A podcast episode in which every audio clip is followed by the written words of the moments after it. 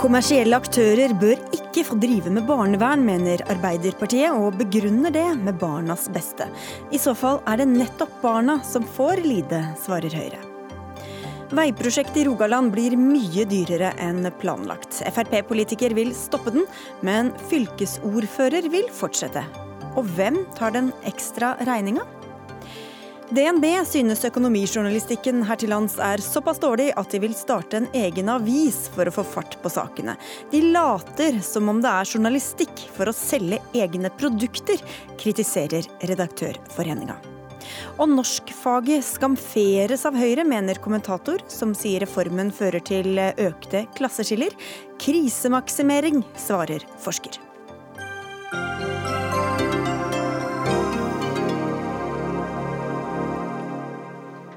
Vel møtt til siste, ukas siste Dagsnytt 18. Jeg heter Sigrid Solund. Har det noe å si for barnevernsbarn hvilke aktører som står bak tilbudet de får? Ja, mener Arbeiderpartiet, som fremmet et forslag i Stortinget denne uka om at barnevernsinstitusjoner kun skal drives av offentlige og ideelle organisasjoner, og ikke private kommersielle. Dette gjør vi for barnas beste, sier du til Vårt Land, Kari Henriksen. Du sitter i familie- og kulturkomiteen på Stortinget for Arbeiderpartiet. Men forklar oss hvorfor det er til barnas beste hvis at ikke private og kommersielle får drive barnevern. Eh, vi har jobba med barnevern over en lang, lengre periode i Arbeiderpartiet. og Vi har sagt i vårt program at vi skal ha en barnevernsreform. Og Da har vi gått inn og sett på hvordan barnevernet ser ut i dag. og Da har vi sett at det der er en del ting å ta tak i. Er barnevernet godt nok sånn som det fungerer i dag? Hensynet til barna teller på den måten at det å ta et barn fra foreldrene sine er en veldig alvorlig inngripen fra staten overfor enkeltpersoner og enkeltfamilier. Og Vi mener det er så alvorlig at rettssikkerheten best ivaretas hvis det offentlige får det fulle og det hele ansvaret for å drive institusjonsbarnevernet. Det vi ser i dag, er at det er mange aktører, det er et oppstykka tjenestetilbud, og vi ser at de pengene Det andre momentet som vi sier, det er at vi vil at våre felles penger skal gå til barns beste. Eh, det vi ser nå med den økte kommersialiseringa som regjeringa faktisk legger opp til, de likestiller jo dette og vil ikke ha noen mening om hva, i hvilken grad det skal være privat eller offentlig. Så ser vi at våre skattepenger, de pengene som jeg betaler med glede inn til staten for at barn skal få barnevern, de går da til å øh, øh, betjene aktører som ikke pleier de tilbake til barnevernet. Og det mener vi er å gå i helt feil retning. Men, og Det er jo kjente argumenter, men fortell, det ble litt nysgjerrig på dette første du sier, at rettssikkerheten står i fare. Hvordan er barnas rettssikkerhet truet? Hvilke konkrete eksempler har du på at den er blitt truet av at det er private som har drevet eh, institusjonene? Altså vi har, for det første så har vi hatt oppslag om habilitetsproblematikk knytta til private aktører i barnevernet. Eh, hva, er det, hva er det for noe? Habilitet det betyr at eh, private aktører har eh, vært på begge sider av eh, offentlig og privat barnevernstjeneste. De har jobba i det offentlige, og så har de etablert private tjenester ved siden av. Og Da blir det stilt spørsmålstegn ved habiliteten. Har det gått ut ved rettssikkerheten til, til barna? Det, er en fare, det er en risiko for at rettssikkerheten ikke ivaretas godt nok. Det at vi ikke har orden på habilitetsreglementet. Nå har riktignok regjeringa sagt at de skal rydde opp i det, men vi mener altså at dette er en så alvorlig inngripen i folks liv og i barnas liv at det bør være til eh, det offentlige, som har det fulle og det hele ansvaret for den driften. Og så har vi sagt én ting til, og det er at vi vil at de ideelle skal få mer av det. For det vi ser nå, det er at veldig mange ideelle, eller jeg skal ikke si veldig, men mange ideelle aktører, spesielt små aktører, de forsvinner fra eh, det å tilby tjenester, fordi de klarer ikke å matche de store, tunge kommersielle aktørene på tjenester. og Det mener vi også er en feil vei å gå. Okay, Tone Trøen, eh, du sitter i den samme familie- og kulturkomiteen, men for Høyre. Hvorfor hvorfor skal, når, som, som, det blir sagt her, altså et kjempestort inngripen, hvorfor skal dette overlates til private, kommersielle aktører også? Det er det offentlige som har det hele og fulle ansvaret for barnevernet. Eh, og så er det sånn at det offentlige kjøper tilbud, både fra private og ideelle. Men det er det offentlige som sitter på det hele og fulle ansvar. Men hvorfor det... kan ikke de like gjerne da drifte det? Fordi vi trenger det mangfoldet. Vi trenger et mangfold av tilbud. Og de private har vært flinke til å, til å møte barns behov på en veldig, veldig bra måte. Eh, for Høyre er det ikke først og fremst viktig hvem som leverer tilbudet, men at tilbudet er godt, og at det er tilpasset hvert enkelt barn. Jeg synes at Arbeiderpartiet skal kalle en spade for en spade. De har eh, med dette utspillet vist at de har en enorm mistillit til privat sektor. Det er mange som jobber i privat barnevern som leverer svært gode tjenester, og helt nødvendige tjenester, og tjenester som faktisk det offentlige har vanskeligheter med å klare å levere, fordi det private viser seg at de er fleksible. De kan rigge et tilbud raskere enn det offentlige klarer, nettopp for å møte de sårbare barna best mulig så raskt de trenger det etter at man har funnet ut at de f.eks. må flytte fra sine familier. Ok, så Henriksen, Hva er det som er begrunnelsen utover da det som bare kan uh, kalles ideologi eller prinsipprytteri eller så fra deres side? Ja, først så synes jeg Det er ganske underlig å høre en representant som faktisk sitter med det fulle og hele ansvaret for den offentlige barnevernstjenesten, at de snakker den ned. Tone Wilhelmsen Trøen og Høyre og resten av regjeringspartiene har mulighet til å øke kvaliteten i offentlig sektor. Men det vi har sett er at det blir mindre andel stillinger i offentlig sektor. Den har bare økt med 1% de siste årene, mens det har økt i de private med 21% Vi ser at bevilgningene fra denne regjeringa til barnevern er så knappe at hvert år så har de andre partiene gått inn og løfta bevilgningene til barnevern. Det dette betyr, er at den regjeringa som sitter nå, den satser ikke på offentlig barnevern.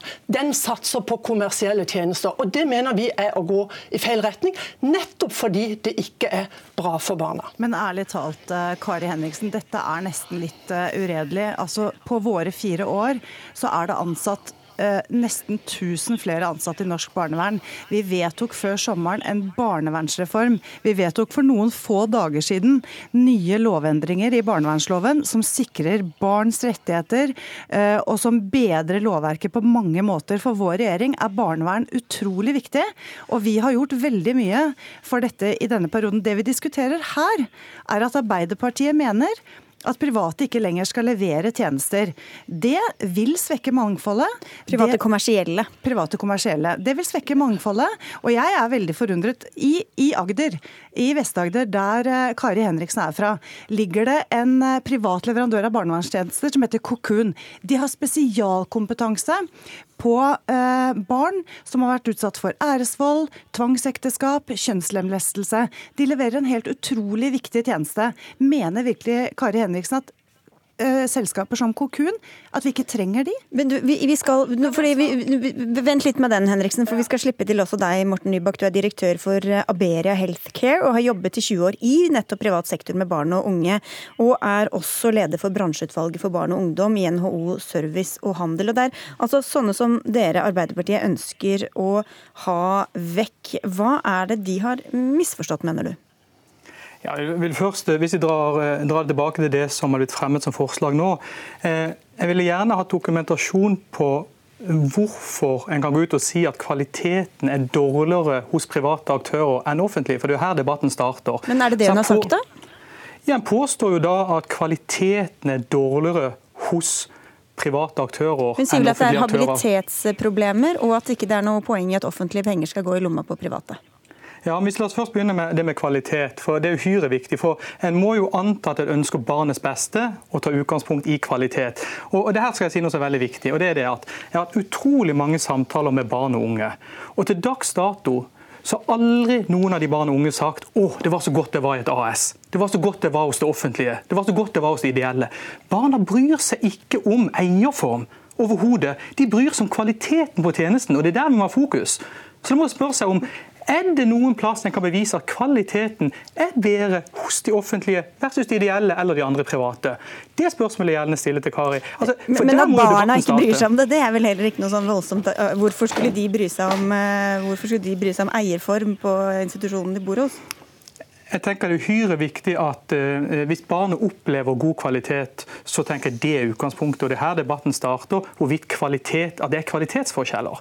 Så Der er jo der vi må også starte debatten. Er det kvalitetsforskjeller mellom de tre aktørene? Eh, ja, kan jeg svare på det? Mm -hmm. Det er jo det som er interessant. fordi at uh, Statsråden har uh, gått ut og sagt at det er kvalitetsforskjeller. og Det er litt av det vi hører fra Tone Wilhelmsen Trøen også, at det, det, private bidrar med mer kvalitet. Men det er ingen som kan underbygge det. Og Mitt poeng er at når Trøen, Høyre og Fremskrittspartiet har ansvar for det offentlige, så driver de altså med en budsjettering og en systematisk prioritering av de kommersielle tjenestene, uten å vite om de har bedre kvalitet. Men, men, ja, men, men mener dere at det er dårligere kvalitet hos de private? Nei, vi har ikke sagt noe, har ikke sagt noe om kvaliteten. Og, men jeg må bare også si at Fylkesmannen her nede, siden eh, Tone Trøen så flott viser til Agder, så har, der politisk ledelse har abdisert, så har altså Fylkesmannen gått inn her, nei, Bufdir, fagdirektoratet, til regjeringa har da gått inn her og sagt at nå er det midlertidig forbud mot å opprette private aktører på Sørlandet. Og Da har, henger jo det selvfølgelig sammen med at det er en ubalanse i det offentlige og det private tjenestetilbudet. Så vi mener at barn har det best, og fellesskapet bør ta det ansvaret. Og virkelig gå inn det... og prioritere det offentlige barnevernet, fremfor å overlate det til private, kommersielle aktører. Men Kari Henriksen, det er det offentlige som tar det fulle og hele ansvaret for barnevernet i Norge. Og så trenger vi et mangfold. Da trenger vi flere aktører enn det offentlige. Vi trenger de ideelle, og vi trenger de private. Men, men, men det jeg lurer på, hvorfor kan ikke staten, da, eller offentlige, eller liksom, enten det er fylke eller staten, gå inn og overta de eh, selskapene sånn som de er. Og så la dem få den friheten og fleksibiliteten og alt det som de har i dag, men bare skifte eier og sørge for da at pengene eh, går dit de skal, og ikke eh, i lomma på private, da, som Arbeiderpartiet sier. Men da er man på en måte mest opptatt av at det bare er det offentlige som kan drive og, ja, men, og sørge nei, for gode tjenester? De samme menneskene kan jo på en måte jobbe der, men da sørger man bare i hvert fall for at pengene blir eh, hos barna. Da. Ja, så Hvis man får lønnsslippen sin fra det offentlige, så er alt bra. Poenget er jo at vi trenger det mangfoldet. Vi trenger Jeg har aldri sagt at det offentlige barnevernet ikke er bra, slik Kari Henriksen sier. Jeg er glad for at vi har et mangfold. Jeg er glad for at vi har mange aktører som ønsker å levere gode tjenester. Og barnevern er altså en av de tjenestene som er mest gjennomregulert, og som har veldig mange tilsyn. Eh, sånn at vi kan sikre kvaliteten eh, på tjenestene. Men jeg syns ikke vi skal kutte noen aktører ut. Jeg syns vi faktisk skal sørge for at det er barnets beste, kvaliteten til den tjenesten vi leverer til barna, som er det viktige, og ikke hvor de, hvor de er ansatt. Ok, Nybakk, hva er det dere kan gjøre som en, nei, som en offentlig eid institusjon ikke kan? Eh, jeg tenker Det er uhyre viktig her å tenke at norsk barnevern består av tre aktører offentlige, ideelle og andre private. Og Det er summen av det som er det norske barnevern. Skulle en hypotetisk sett velge å ta vekk de andre private, så vil du oppleve at du vil mangle spisskompetanse på svært viktige målgrupper. For her, historisk sett, så har vi bygd opp kompetanse på ulike fagfelt. Men Hvorfor kan ikke den like gjerne bygges opp hos de ideelle eller hos det offentlige? For Falle, du kan alltid bygge den opp under en annen aktør, men eh, igjen, dette over lang lang tid så er det bygd opp god spisskompetanse innovativ tenkning, gode turnusordninger som er til god hjelp for de barna vi har. Eh, så her, eh, her handler det ikke om eh, type eierform. Og til Kari Henriksen også, her er det viktig å si, og det ble også sagt litt tidligere, dette er anbudsregulert. Det må vi ikke glemme.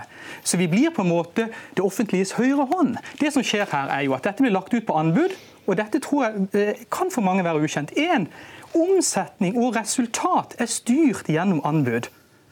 Det andre er kvaliteten. Stilles kvalitetskrav gjennom anbud. Og etterpå det så blir vi utrolig godt kontrollert, og det er veldig bra. Ok, vi, vi, vi, vi, er egentlig tomme for tid her, men vi skal, siden det er to mot én her, Kari Henriksen, slippe deg på slutten. fordi, eh, altså Bare for å nevne det også, Dere trenger egentlig KrF for å få flertall, men de sier til oss at de ikke ikke mener at forbud mot private kommersielle aktører er veien å gå. Og Når vi da hører om alle de spesialiserte tilbudene som finnes, også kompetansen som er bygget opp, hvorfor skal dere ta bort det?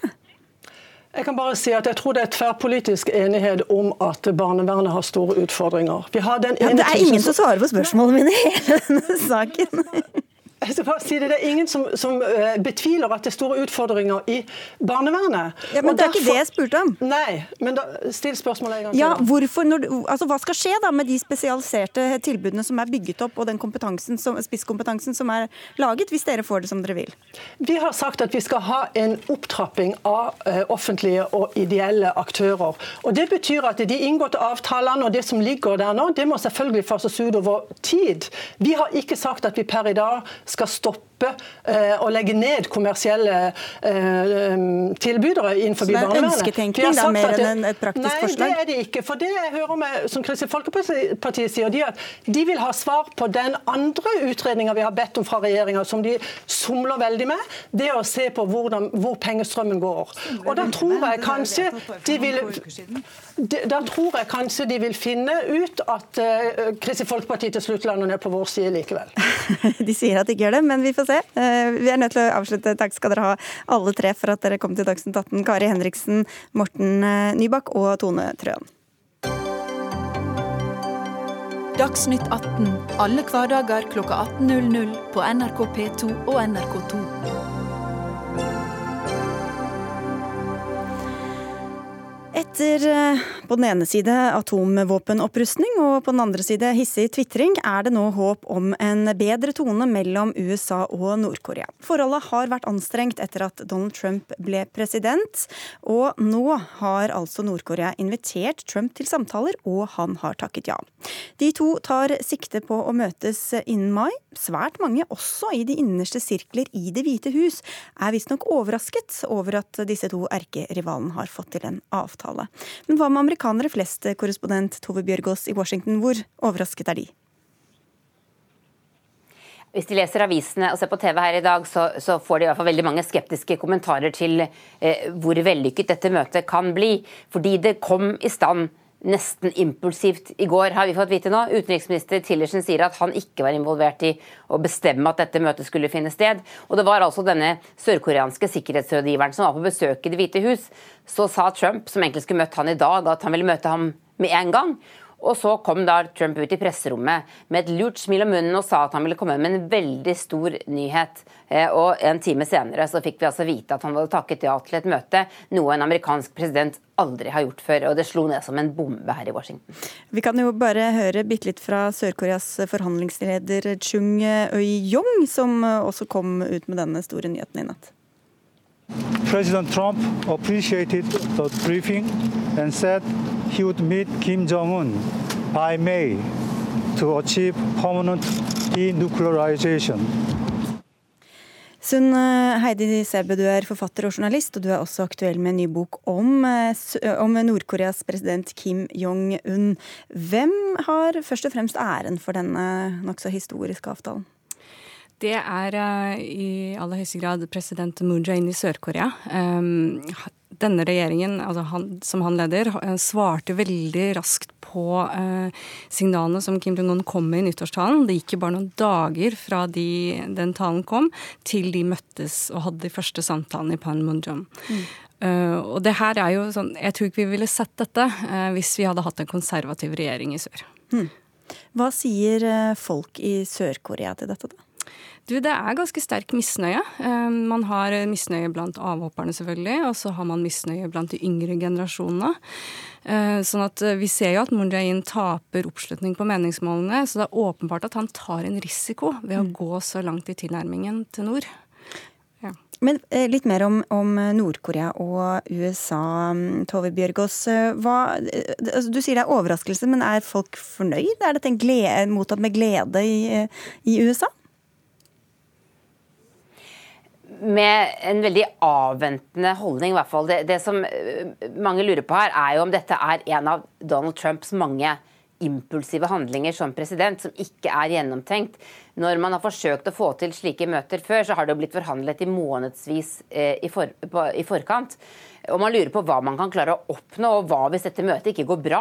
Hva skjer da? Hva vil, vil, da spenningen bli enda mer eh, eh, altså Spenningen bli enda sterkere? Men så er det også noen som sier at kanskje er det dette som må til.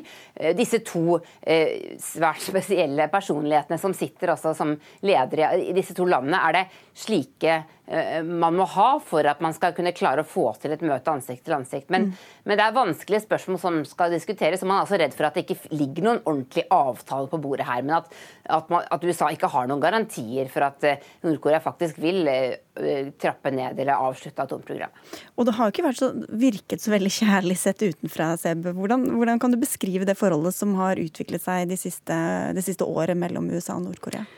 Det er jo nesten like flyktig som sånn, sånn, vi oppfatter Donald Trump. Under valgkampen i 2016 så sa han jo nettopp at han kunne tenke seg å ta en hamburger med Kim Jong-un, eh, og han var veldig åpen for å møte han.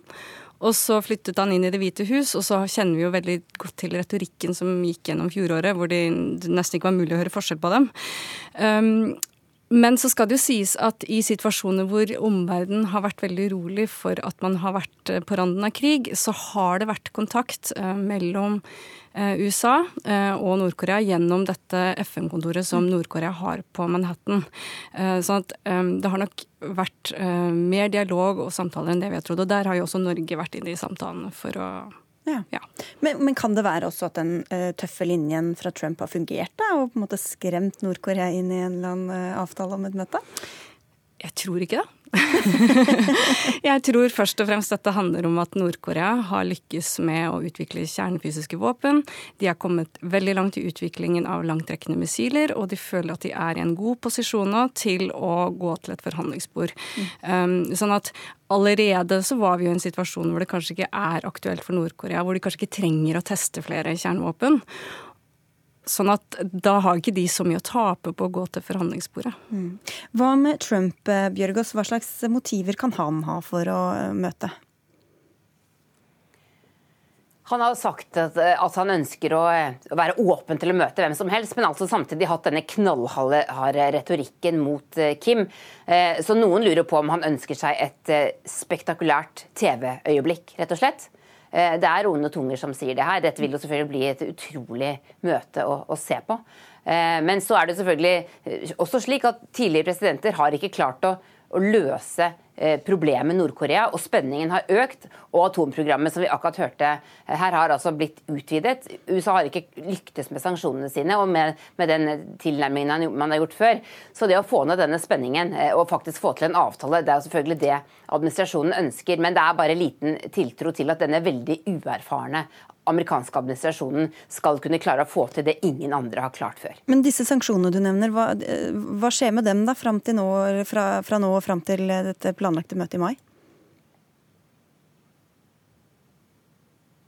Ja, det skal jeg svare på. Ja. Nei, de, de, de, fortsetter vel, går Det er du som er USA-ekspert. de fortsetter med Ja, det stemmer. De fortsetter med uforminsket styrke, eh, etter hva jeg eh, har skjønt.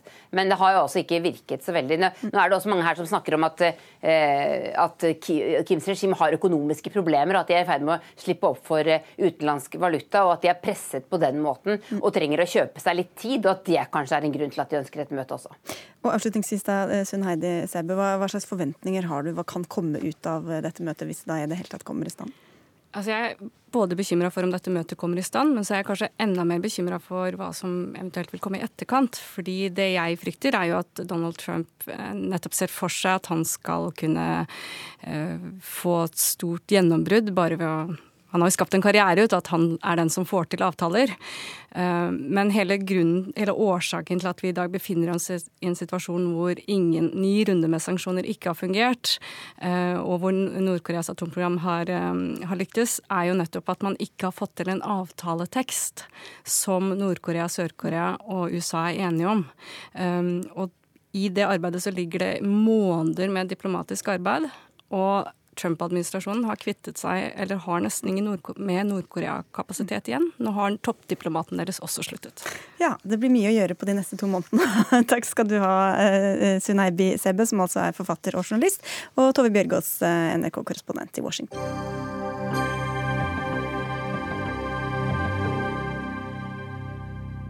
Og da skal vi til Rogaland og til det som skal bli Europas lengste bussvei, nemlig Bussvei Nord-Jæren. Men som allerede før bygginga ligger an til å bli flere milliarder kroner dyrere enn planlagt.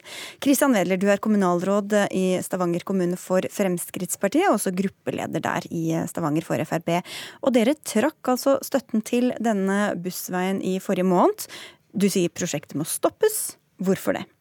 Dette er historien om en skandale som bare vokser og vokser, og politikere som ikke klarer å ta ansvar for den situasjonen som har oppstått. Det er fylket sin store jobb å sørge for at vi får eh, gode kollektivløsninger, men eh, vi har ingen tillit til at vi får det til nå.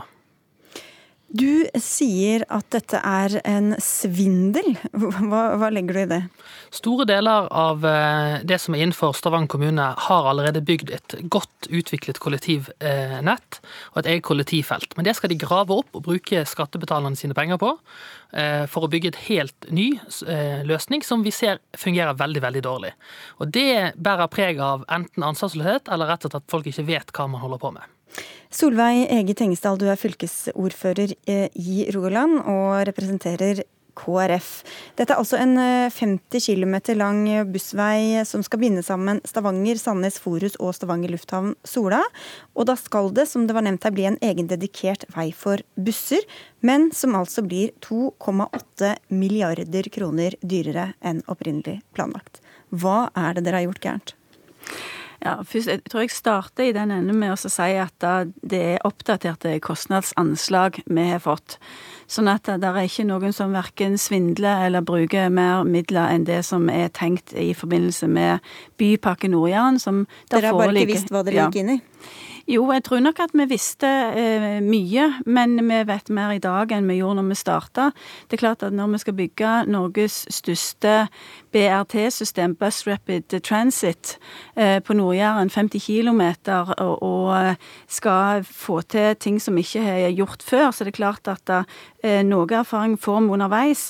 Det var strekninger som var ferdige, det var strekninger som var begynt å avklares, og det var strekninger som en ikke hadde kommet så langt på. Det er jo 22 delstrekninger. Eh, det er fire korridorer som fordeler seg på 22 delstrekninger.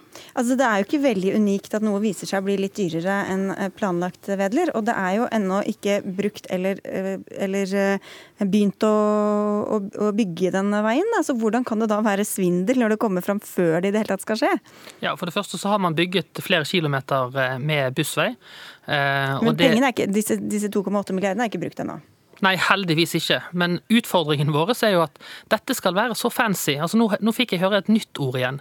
Istedenfor å kunne bare bygge gode kollektivfelt for bussene, så skal altså dette være et, et system eh, som koster det hvite ut av øyet. Vi har flere kilometer med gode kollektivfelt i dag i Stavanger, som ikke er godt nok, som må ha en annen standard, sier eh, disse politikerne, eh, og som vi vet vil gi dårligere fremkommelighet for bilistene, og vil helt lik eh, fremkommelighet for bussene. Dette er en dårlig løsning som skal koste det hvite ut av øyet. Ja, hva er det vi får for alle disse pengene, Tengesdal? Altså, dette er jo et, eh, faktisk et infrastrukturtiltak. Vi bygger ny infrastruktur på Nord-Jæren og kan ikke sammenlignes med de kollektivfeltene som vi som sånn sett kjenner godt. Dette handler om å få til en framkommelighet, eh, en forsinkelsesfri framkommelighet for bussen. Og på mange måter så setter vi nå bussen først framfor personbil. Eh, og det er klart at det er krevende å få til. Det er jo klart at det er jo krevende når vi faktisk òg jobber med byutvikling. For det betyr jo at nettopp langs denne infrastrukturen så er det her en eh, har forventning om at både boliger og arbeidsplasser faktisk vil finne sin plass framover. Sånn at jærbane med dobbeltsporet, bussveien, det er faktisk infrastrukturtiltak ja. som er viktige framover. Så det er noe som er dyrt nå, men som kan lønne seg å betale seg på lang sikt, Vedler. For hva er poenget med en sånn vei hvis den ikke fungerer sånn som den er tenkt, og faktisk erstatter bilene, sånn som bussen da skal gjøre? Fremskrittspartiet har alltid vært for å få et høydverdig kollektivsystem på Nord-Jæren. Det er veldig viktig. Eh, vi er nødt til å løse våre trafikale utfordringer. Vi må få flere på kollektivløsninger. Men dette er historien om eh, politikeren som kjøpte et nytt hus som hadde et eh, tre år gammelt kjøkken, men som ikke viser seg å være fint nok. Og så skal man altså da rive det. Så du det, mener det, det, ene, det kollektivfeltet, det er det som skal til, selv om bussen da må ut og inn og stoppe og ikke får den framkommeligheten? Nei, nei, nei. Selvfølgelig så må bussen få forrang. Selvfølgelig må det bli, må det bli løsninger som gjør at bussen kommer fortere frem. Det, det er det ingen tvil om. Men dette er, dette er politikerne som eh, ikke har respekt nok for eh, folk sine penger. Altså, Jeg kjenner jo eh, fylkesordføreren som en av de mest ansvarlige og redelige politikerne vi har i fylket. Men når det kommer til dette, så er hun bondefanget, og hun kan ikke klare å hoppe av. Det er utfordringen vår, og det må vi nå eh, være voksne nok til å si. Dette går ikke lenger. Dette blir for dyrt. Vi er nødt til å stoppe opp og finne en annen løsning. Hvis jeg kan få si noe her nå. Det er klart det at um, dette er et prosjekt som faktisk vi har jobba sammen om over lengre tid. Og en har brukt mange år på Nord-Jæren for å samle seg om en god løsning når det gjelder dette med framkommelighet, dette med kollektivsatsing. Og dette er vi faktisk enige om på Nord-Jæren. Så til tross for Ikke helt enig, da, åpenbart. Ja, men det er et stort flertall. Eh, og jeg må jo si at Fremskrittspartiet mener jeg nesten er litt urimelige nå. For det at eh, en har ikke på noe tidspunkt gitt noe støtte til dette. Verken til bypakke eller til, til det arbeidet som har vært gjort eh, gjennom forhandlinger i byvekstavtalen. Men til tross for at en lokalt fra Fremskrittspartiet ikke har gitt støtte til dette, så er en likevel klart å samle seg om løsninger. Og har ambisjoner om og mål om å levere løsninger som er framtidige, som faktisk vil være gjør det bedre, enklere å bo på Nord-Jæren framover. Nå kan det hende at vi har blitt litt sånn uh, dårlig vant holdt jeg på å si, med uh, sprekkene på stortingsbygginga, så 2,8 milliarder ikke høres så voldsomt ut. Men hvem er det som skal betale disse pengene? Det er jo, det er jo likevel litt Tengesdal. Jo, men det er sånn at vi har fått en ramme for Bypakke Nord-Jæren. Og den rammen er vedtatt av Stortinget. Bypakke Nord-Jæren er enstemmig vedtatt på Stortinget. Og den rammen skal vi forholde oss til. Så dere skal, dere skal holde, holde, det opprinnelige budsjettet? Det er vi veldig tydelige på. Styringsgruppa er veldig tydelig på det. Vi skal klare å holde oss forbi den rammen som er vedtatt. Og så er det samtidig sånn at når det gjelder Bussveien, det infrastrukturtiltaket, så er det en deling med staten 50-50. Eh, endelig eh, eh, nivå på det er ikke satt, men vi har sagt at innenfor den rammen som ligger til Bypakken, med de prosjektene knytta til vei, bane, sykkel, så skal vi klare å få dette til. Og dette er jo vedtatt av Stortinget og har regjeringas støtte, hvor din partikollega sitter som samferdselsminister Vedler. Ja, heldigvis har samferdselsministeren jobbet videre med dette siden dette er bestemt lokalt. Alt annet hadde jo vært veldig, veldig merkelig hvis ministeren skulle overstyre lokaldemokratiet. Vår utfordring her lokalt er at, eh, at man, man, klarer ikke å stoppe opp og se galskapen i enkelte eh, de veivalgene som er tatt. Eh, vi har bygd eh, flere kilometer med bussvei i dag. Der står alt i stampe. Det har forverret situasjonen dramatisk for bilistene, og det har ikke bedret fremkommelighet for bussene i det hele tatt. Det, det, de har hatt like god fremkommelighet hele tiden. Vi har, vi, har, vi har en situasjon hvor bussveien er blitt hellig. Eh, bussveien er blitt hellig, ingen tør å, å, gjøre noe med den, og nå løper dette løpsk. Så da, er, så da må jo, hvis du skal holde budsjettet, Tengsdal, så må vel noe nedskaleres, enten det er eh, bussens, altså bussveien, eller det dere da har planlagt eh, om at det også skal i framtiden kunne gjøres om til en bybanetrasé, noe som også gjør hele veien dyrere. Altså jeg, jeg, tenker jo at Vi har ansvarlige politikere som, som, sånn sett er opptatt av å få eh, oppdaterte og riktige kostnadsanslag. Vi er veldig tydelige på at nå går vi inn og ser på alle muligheter for å snu alle steiner eh, for å finne eh, enklere måter å gjøre det på. Vi skal fremdeles ha en høyverdig kollektivløsning, men vi skal ha den på et kostnadsnivå som er innenfor den rammen som, som, vi har fått. Og Da ser vi både på eh, Det har kommet opp mange eh, tilnærminger til dette, dette med bredden, om det, om det kan gjøres noe med det. Dette med framkommeligheten det er veldig viktig for oss. Men det er klart at det er en diskusjon mellom midtstilt, eh, sidestilt, dette med kryssløsninger. Og så er det dette med konvertering i forhold til at du nå legger til rette for i hvert fall en løsning som har en stigning og en kurvasjon som er på linje med en bane. Og da har dere ikke landet, skjønner jeg riktig ennå. Dere, vi sier takk til dere begge to, Christian Wedler, som altså representerer Fremskrittspartiet, og til Solveig Ege Tengesdal fra KrF.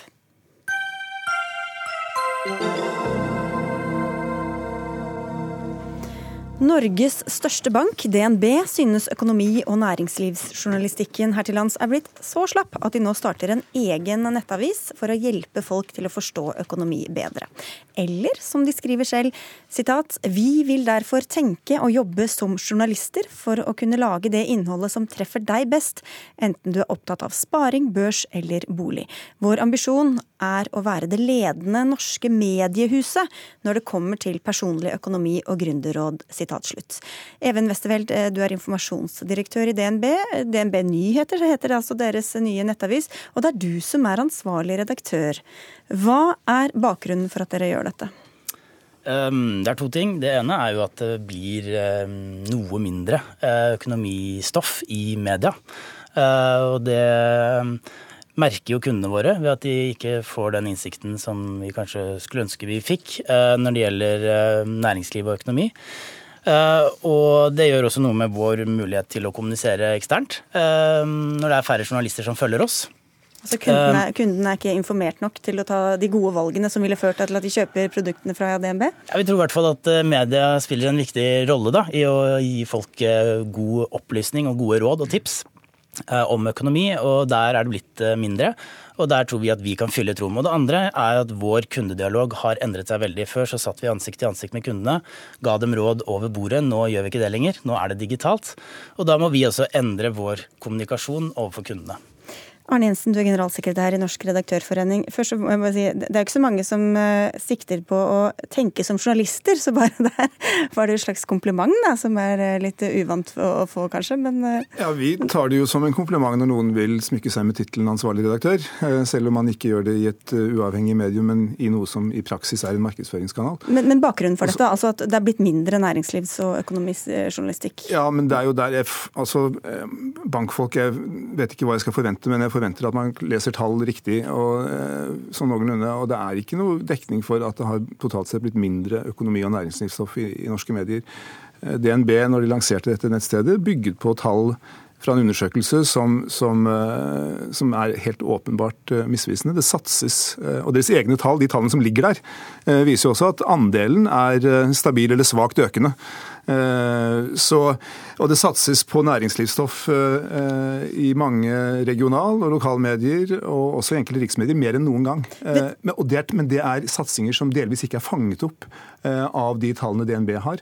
Det er spesialnettsteder eh, som Sysla, Stavanger Aftenblad, Bergens Tidende. Det er Nord24, hvor seks aviser i nord har gått sammen om en massiv satsing. Det er Vestviken 24, hvor avisen i Vestfold har gått sammen. Så det å si at det ikke satses på økonomi og næringsliv, det tror jeg er eh, en ganske eh, drøy påstand. Men det er, eh, vi er for publiserings- og ytringsfrihet, og DNB må gjerne supplere med mer stoff om dette temaet. Det er helt fint. Men, men, men journalistikk er det jo ikke. Ja, vi skal komme tilbake litt til hvordan ståa er for næringslivsjournalistikk. Men til det du skal drive med, Vest. I dag skrev næringslivsavisa Dagens Næringsliv at DNB på fem år har brukt over 2,5 eh, milliarder kroner på omstilling og sluttpakker. Er det en sånn type sak dere kunne vært først på, kanskje?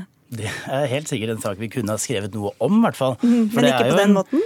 Nei, men, eh, og Der kommer vi jo til ditt gode poeng. Dette er jo ikke et uavhengig medium. Det har vi heller aldri sagt at det skal være, og det kommer det ikke til å være. Det er en del av vår markedsføring. Men vi har jo ganske mange eksperter i DNB som hyppig brukes av mediene, både her i NRK og andre steder.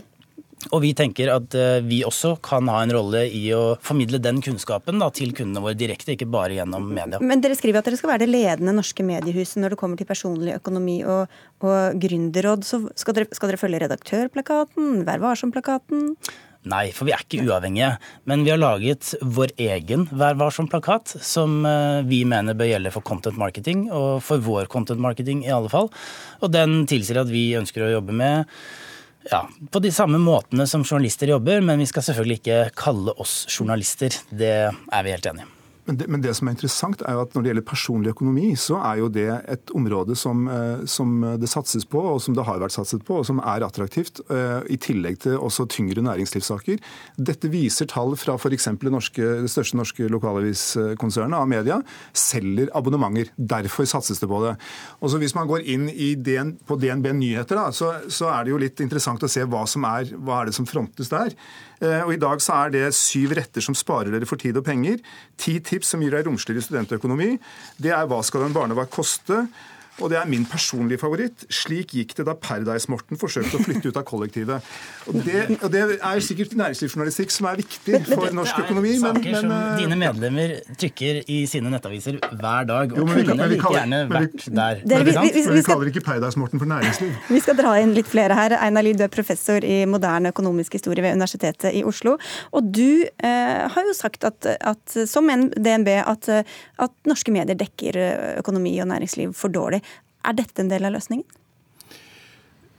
Nei, la meg bare først oppsummere hva jeg sa. Det, er, litt, det går i den retningen, men, men, litt annerledes. Det jeg var bekymret for, var egentlig tung økonomi- og næringslivsdekning i allmennmedier, store allmennmedier. Hvis man ser på VG, Dagbladet, Aftenposten, NRK, så finner man veldig lite og mye mindre enn det man gjorde, gjorde for en tid siden, og særlig vanskelige saker.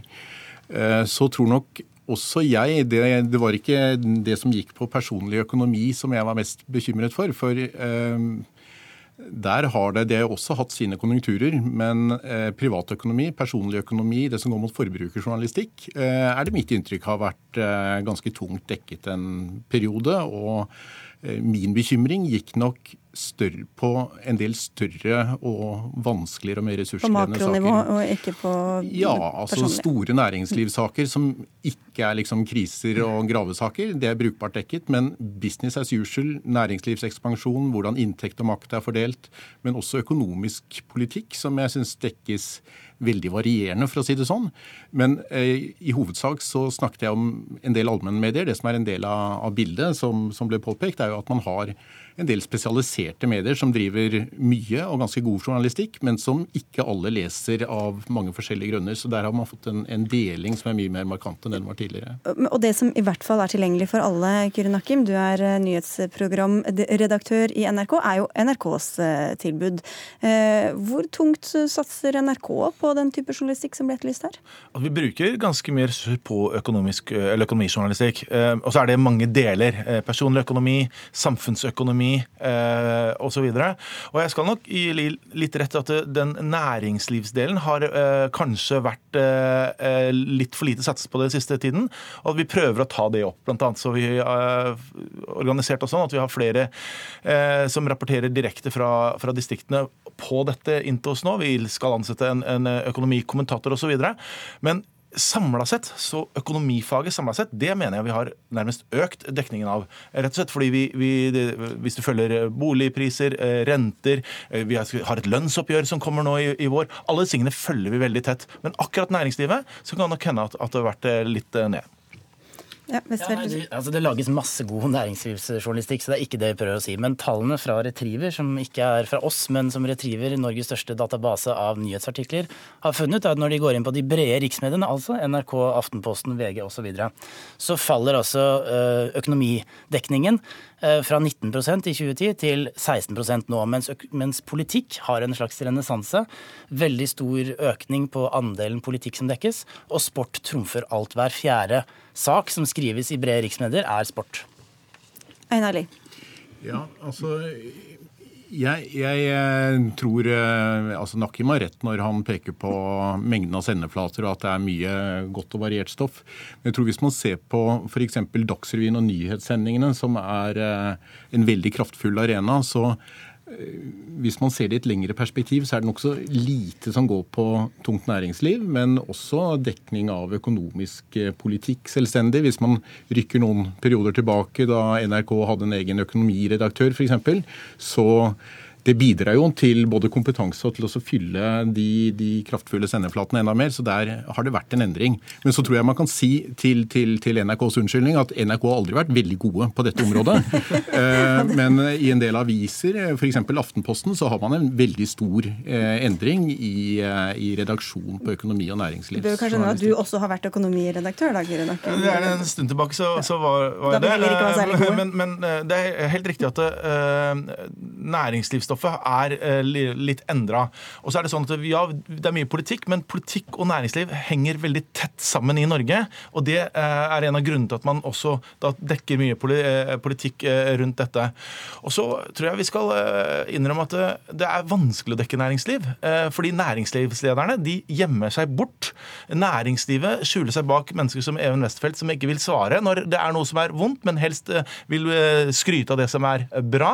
Og det gjør det at man kanskje ikke har klart å, å bryte gjennom det godt nok, og det må vi jobbe med. Det er helt klart. Arne Jensen, Einar Lie her har advart altså mot at eh, næringsjournalistikken står i fare for å bli et ekkokammer. Nå var det nevnt eh, altså spesielle nettsteder og mye som ligger bak betalingsmur. Eh, så er det sikkert mange forskjellige tall, men hvordan, hvordan vil du si, altså for, for, den jevne leser og seer og lytter, hvordan står det til der? Jo, men De næringslivsstedene som jeg nevnte nå, er, inngår jo som del av, av, den pakka du får når du abonnerer på en av de avisene som er med i dette. Og så, sier du, så kan man snakke om betalingsmur, men, men ærlig talt, altså, eh, hvis da, da, noe som ville vært en kjempetabbe, det var hvis vi skulle fortsette å gi bort journalistikken vår gratis. Eh, dette er jo ikke noe nytt. Eh, vi har alltid tatt betalt for journalistikk. Eh, det som har vært utfordringen i noen år, var når vi transformerte over på nett. Så ventet folk seg til at veldig mye var gratis. Eh, men det at man skal betale for kvalitetsjournalistikk, det mener jeg er helt nødvendig for at mediene overhodet skal overleve. Men spørsmålet er om det liksom blir eh, tilgjengelig og, eh, og tilgjengeliggjort for alle som, som, ikke visste at de var så interessert i utgangspunktet? Det blir tilgjengeliggjort på samme måte som man hadde tilgjengeliggjorde journalistikk før også. Det, men, men, det er klart at å si at noe skulle være gratis, det er i hvert fall ikke en bærekraftig forretningsmodell for, for deler av journalistikken. Og så har jeg lyst til å si en ting i forhold til det med med, med, redaksjonene. Ja, det er helt riktig, og det er et poeng at eh, redaksjonen, norske redaksjoner mange har vært under press, og mange har nedbemannet. Det vil naturlig også skape press på næringslivsjournalistikken. Men det er også grunnen til at man har gjort disse grepene, for å samle kompetanse som kan gi tyngde eh, til, eh, til, journalistikken. I stedet for at man sitter én og én journalist i mange redaksjoner, så har man samlet ressurser for å skape miljøer hvor man kan dyrke frem den gode næringslivsjournalistikken. Og jeg mener det gir resultater. Jeg tror f.eks. Sysla er en veldig, veldig god idé. Absolutt. Er, Hva er det for noe? Eh, det er eh, en felles eh, økonomi- og næringslivsredaksjon for, mellom Stavanger Aftenblad og Bergens Tidende, er det vel, men som også spres til andre aviser. Så er jeg absolutt ingen tilhenger av at man skal rive betalingsmurene. Man må ta betalt for god journalistikk. Det mener jeg absolutt. Det er noe med det som er liksom de gode, eksklusive næringslivsavisene. De er veldig dyre. Og det er også typisk det er to mediekanaler som ikke er med i Retriever-systemet, som kan hentes ut i ettertid og brukes andre, og det er Finansavisen og Dagens Næringsliv. Sånn at det er en tendens til at murene er høyere, for å si det sånn, og de er veldig, veldig kostbare. Men det er klart, bildet er ikke svart-hvitt her. Min bekymring var egentlig de tunge allmennmediene som mange møter uten å ville oppsøke økonominyheter. at der finner man veldig lite. Og egentlig i tillegg til det, som jeg nok også var litt inspirert av, det var på den tiden, uten å gå inn i de sakene, en del veldig store, viktige saker, tenker jeg, som man ikke fant noe om noen steder. Øh, og som henger sammen med at, at øh, økonomijournalistikk naturligvis er veldig krevende å drive. Det er vanskelige saker. og man står opp mot veldig ressurssterke miljøer som gjør det vanskelig å, å trå feil, og som jeg tror gjør at mange, mange, trekker seg tilbake. Det betyr at vi skal fortsatt gå inn i det, selv om det er vanskelig. Eh, men jeg bare si at det, eh, det, de fleste mener at eh, grupperinger vil gjerne ha mer av det de, de er selv opptatt av. Altså, jeg er jo i møter med de ulike grupperinger hver eneste dag som gjerne vil ha mer av akkurat deres stoff. Si det, før så var det nok sånn at de store allmennmediene hadde kanskje noe av det, men det var ingen som registrerte hvor mange som kastet økonomibilaget i Aftenposten, eller som ikke leste de sakene osv. Det nye mediebildet er at det er spredd. Det er, og det viktige for oss er at det er tilgjengelig, at vi får gjort den demokratiske oppgaven det er å gjøre det viktige journalistikk mot også næringslivet. Og det mener jeg skjer eh, i et bredt spekter i Norge. Men er det interesse for det, da? Det er interesse for, for næringslivsjournalistikk, men ikke for disse eh, gladsakene om at nå går den og den bedriften bra, og den og den er så flinke, eh, som man som gjerne kunne ha før. Eh, men, man, man, men, vi skal registrere at det, hva man driver med, hvilke strategier man har, hvor man ønsker å, investere penger. Alt dette er jo viktig for samfunnet. Okay, det skal vi følge. Ti sekunder, Arne Jensen. Og så veldig kort. De dataene som bl.a. A-media sitter på, som eier 60 lokalaviser i Norge, er at næringslivs- og økonomistoff er noe av det mest salgsutløsende man har på abonnementssiden. Og det kan du love godt for ja, dere, da? Det kan vi bekrefte. Det er interesse. Folk har behov for økonomiforståelse. Og neste gang dere, dere intervjuer toppsjefen deres, så kan dere sende ham hit til Dagsnytt 18 også, da, etter at dere har vært Da kan vi slå to fluer i et smekk. Takk skal dere ha alle fire. Arne Jensen fra Norsk redaktørforening, Ever Westervelt fra DNB, Einar Lie fra Universitetet i Oslo og NRKs Kyrre Nakken. Hør Dagsnytt 18 når du vil. Radio NRK Radio.nrk.no.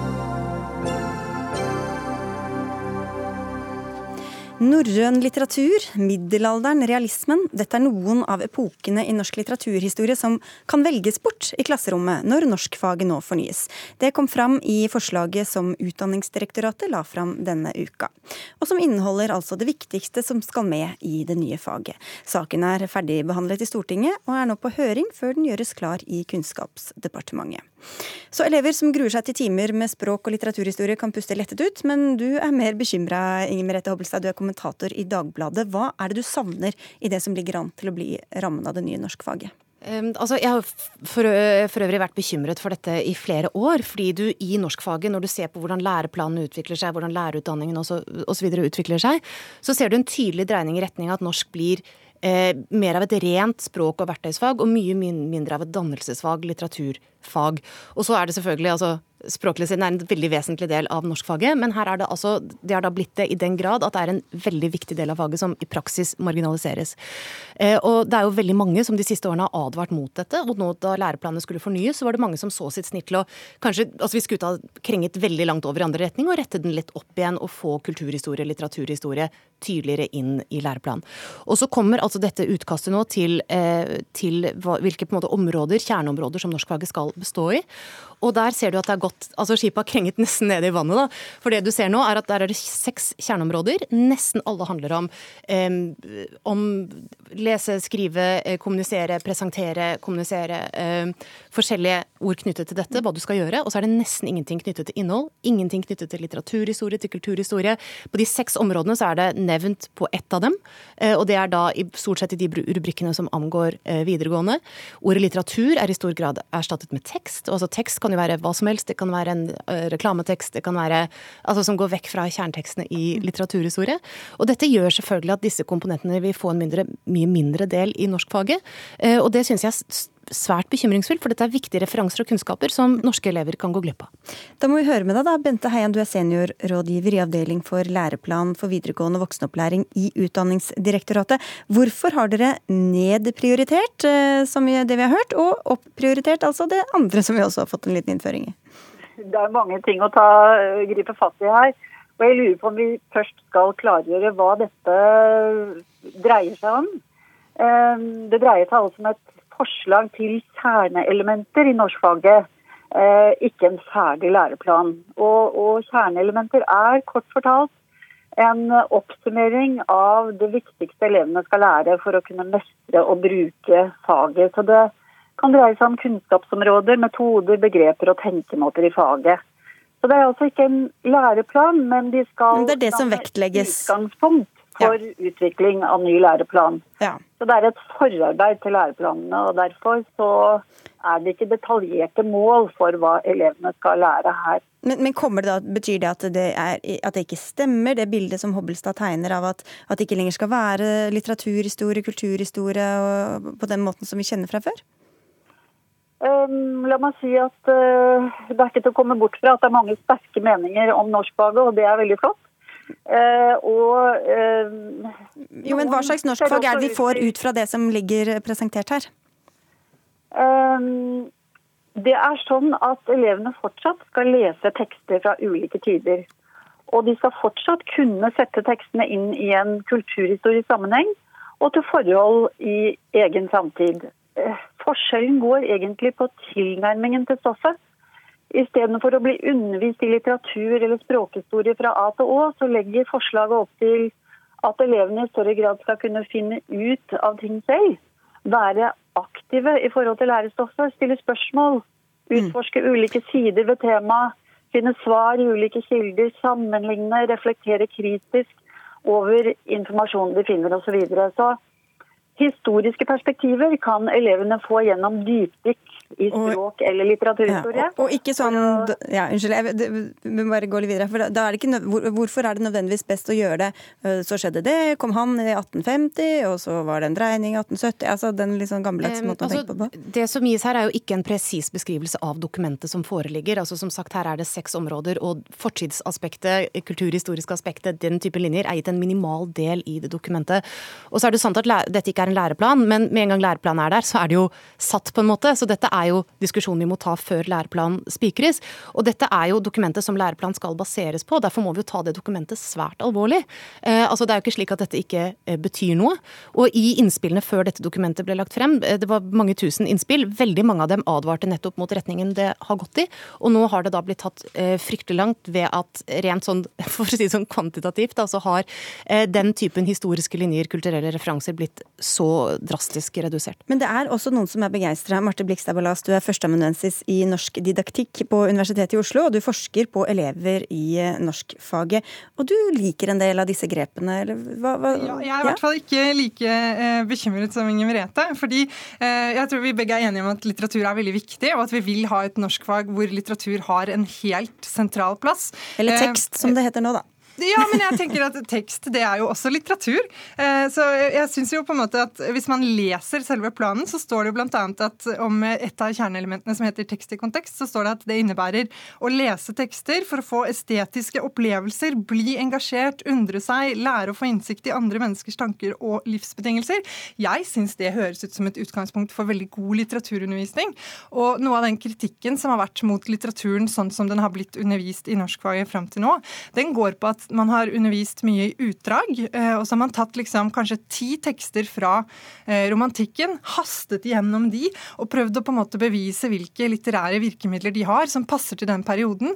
Og det er ingenting som tyder på at det har vært veldig vellykka. Så jeg tror det, det, man har prøvd å gjøre med disse kjerneelementene, som det er flinke fagfolk og lærere som har vært med på å lage, det er jo å lage, legge opp til et fag hvor man kan ta tekstene, også da inkludert litteraturen, eh, mer på alvor og få til dybdelæring. Så jeg er ikke like bekymra som Inger Merete. Når det er sagt, så håper jeg jo at når læreplanen, selve dokumentet, kommer, at den kanskje kan gi oss et tydeligere svar på hva vi vil med litteratur i skolen. Men for å ta tak i det ene som du skriver også, Hobbelstad, er at du frykter at dette vil føre til økte klasseforskjeller, altså mm. sosiale klasser, eh, og sementere dem. Hvordan, hvordan, kan det skje, mener du? Nei, altså, det er Noe av det jeg jo eh, reagerer på her, det er ja, men litteratur er også tekst, men det er jo ikke tilfeldig hva man leser. Altså Norskfaget er jo der for å gi deg innblikk i sentrale verk i norsk litteratur litteraturhistorie, og det at man går bort fra at det skal være, mange, altså det skal være færre verk i stedet for at man raser gjennom mange tekstutdrag, det vil jeg vidt, det tror jeg er en god utvikling. Men det er jo hva er disse tekstene, hvor er de fra, og hvilken sammenheng setter de? Og altså, Jeg er barn av en norsklærer og kommer fra et hjem med store bokhyller. Jeg får med meg Ibsen og et dukkehjem og Den grønnkledde og disse vesentlige tingene. Jo, men Da skjønte tingene. du det også når men... du ble presentert på den gammeldagse måten, mens nå vil det kanskje også fenge andre som ikke har den bakgrunnen? Nei, men det er, jo, det er jo det at dette gjøres vagt. altså Det gjøres fristilt fra sin historiske kontekst, og det gjøres til dels valgfritt. Altså det gjør at det, selvfølgelig det er masse gode norsklærere der ute som vil ha, ha utmerket norskundervisning med utgangspunkt i dette, men hvis de f.eks. får en sterk skoleledelse som vil legge opp norskfaget etter innholdskomponentene slik de er lagt opp nå, så vil nettopp dette kulturhistoriske eh, perspektivet få en mye mindre del. Og for de som da ikke får det med seg hjemmefra, så vil de gå glipp av veldig viktige perspektiver for å forstå samfunnet de lever i. Ja, eh, jeg eh, er jo enig i at dette med dannelse er Du skal få slippe til, så bare ja. høre Blikstad Balase først, her, herr Heian. Ja. ja. Jeg er også veldig opptatt av dannelse, og jeg tror ikke det er så mange som ikke er det. Men jeg syns jo ofte at når man snakker om dannelse, så glemmer man at det forutsetter også en del ferdigheter. Og det er jo de ferdighetene man prøver å kanskje tydeliggjøre hva skal være i disse kjerneelementene.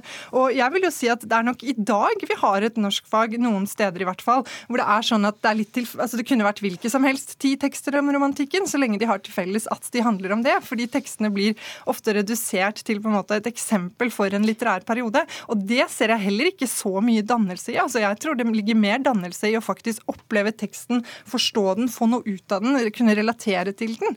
Eh, så jeg, jeg tolker nok kjerneelementet sånn som det foreligger nå, langt mer positivt. Ok, Heian, Vi har jo hatt en lang uh, runde om, uh, om norske verdier, nei, norsk, hva var det, norsk kultur og verdier og så videre, ikke sant? Så hvor, hvor, får vi denne felles forståelsen med denne nye læreplanen? Altså jeg, først så hadde jeg lyst til å gripe fatt i dette med om uh, utkastet vil uh, øke og sementere klasseforskjeller, og det, det, tror jeg neppe. Uh, hvis noen får fortrinn hjemmefra ved at de stimuleres til å lese sentrale skjønnlitterære verk, så vil dette kunne utlignes faktisk gjennom norskfaget. Kjerneelementene legger opp til at elevene skal arbeide grundigere med lengre tekster istedenfor kortere tekstutdrag. Og at de skal kunne sette tekstene inn i videre kulturelle og historiske sammenhenger.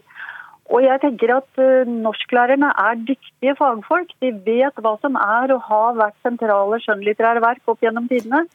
Så jeg, eh, det har jo vært, eh, Du kommer jo stadig opp eh, dette med hvor er det blitt av litterær kanon. Mm, må det være rask. Vi trenger ikke det for å fortelle lærerne dette. De, det vil frata dem lokal frihet å velge ut fra lokale, okay. lokale forhold og elevgruppa de har foran seg. Takk skal, takk skal du ha. Ja. Dessverre skjer dette stadig i debatten, at kritikk av systemet gjøres til en kritikk mot lærere. Det er selvfølgelig ikke tilfellet. Det er masse dyktige lærere, men styringsdokumentene de må legge til grunn for faget sitt, betyr også noe, og de beveger seg en veldig uheldig retning. Det er fortsatt mulig å komme med innspill. Høringsfristen er 17. april, så kanskje vi rekker en runde til innen den tid også her i Dagsnytt 18, hvor vi dessverre må eh, si takk for oss, for det er ikke mer tid igjen.